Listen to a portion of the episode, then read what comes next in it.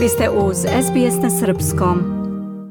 Predsjednik Bosansko-Hercegovačkog entiteta Republika Srpska Milorad Dodik posjetio je Podgoricu gdje se je sastao samo sa predsjednikom parlamenta Andrijom Mandićem.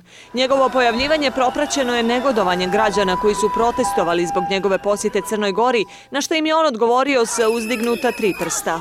Neki od okupljenih nosili su transparente, Putinovi poklisari nijesu dobrodošli, za cjelovitu i nedjeljivu BiH Dodik nije put u Evropu, Srebrenica je genocid.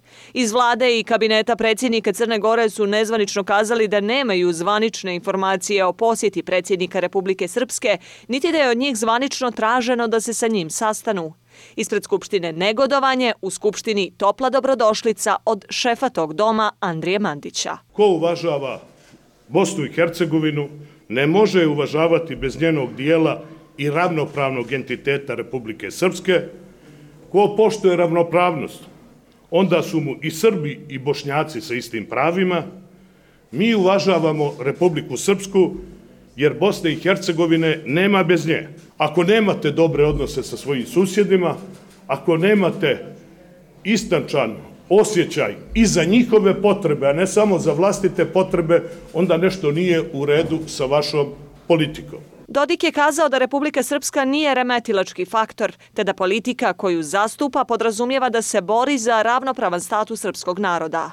Srpski svet vidi, kaže, kao fenomenalnu ideju. U Crnoj Gori je dugo godina bilo zapostavljena ta srpska politička dimenzija i smatram da kroz učešće eh, predsjednika Mandića i ove strukture treba da se rehabilituje pozicija naše zajednice ovdje. Srpski svijet, fenomenalna ideja koju ne treba niko da ima protiv ništa.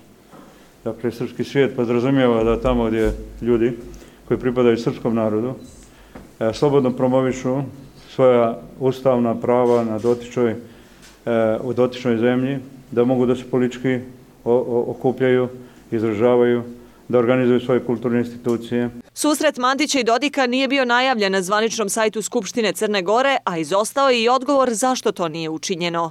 Najave je međutim bilo za drugog gosta i to iz Evropske unije. U posjetu je istog dana stigao i komesar za proširenje Oliver Varhelji.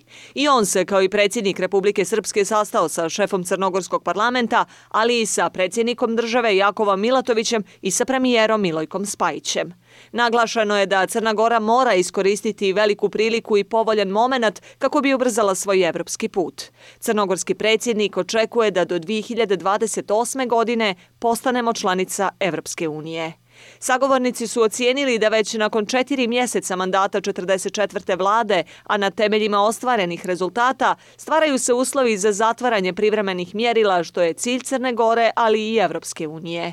Komesar Varhelji je poručio da je Crna Gora najnapredniji kandidat i da je očekivanje svih u Evropskoj uniji da se napravi korak naprijed, čemu je Evropska komisija snažno posvećena. Iz Podgorice za SPS na Srpskom, Milica Delibašić. Želite da čujete još priča poput ove? Slušajte nas na Apple Podcast, Google Podcast, Spotify ili odakle god slušate podcast.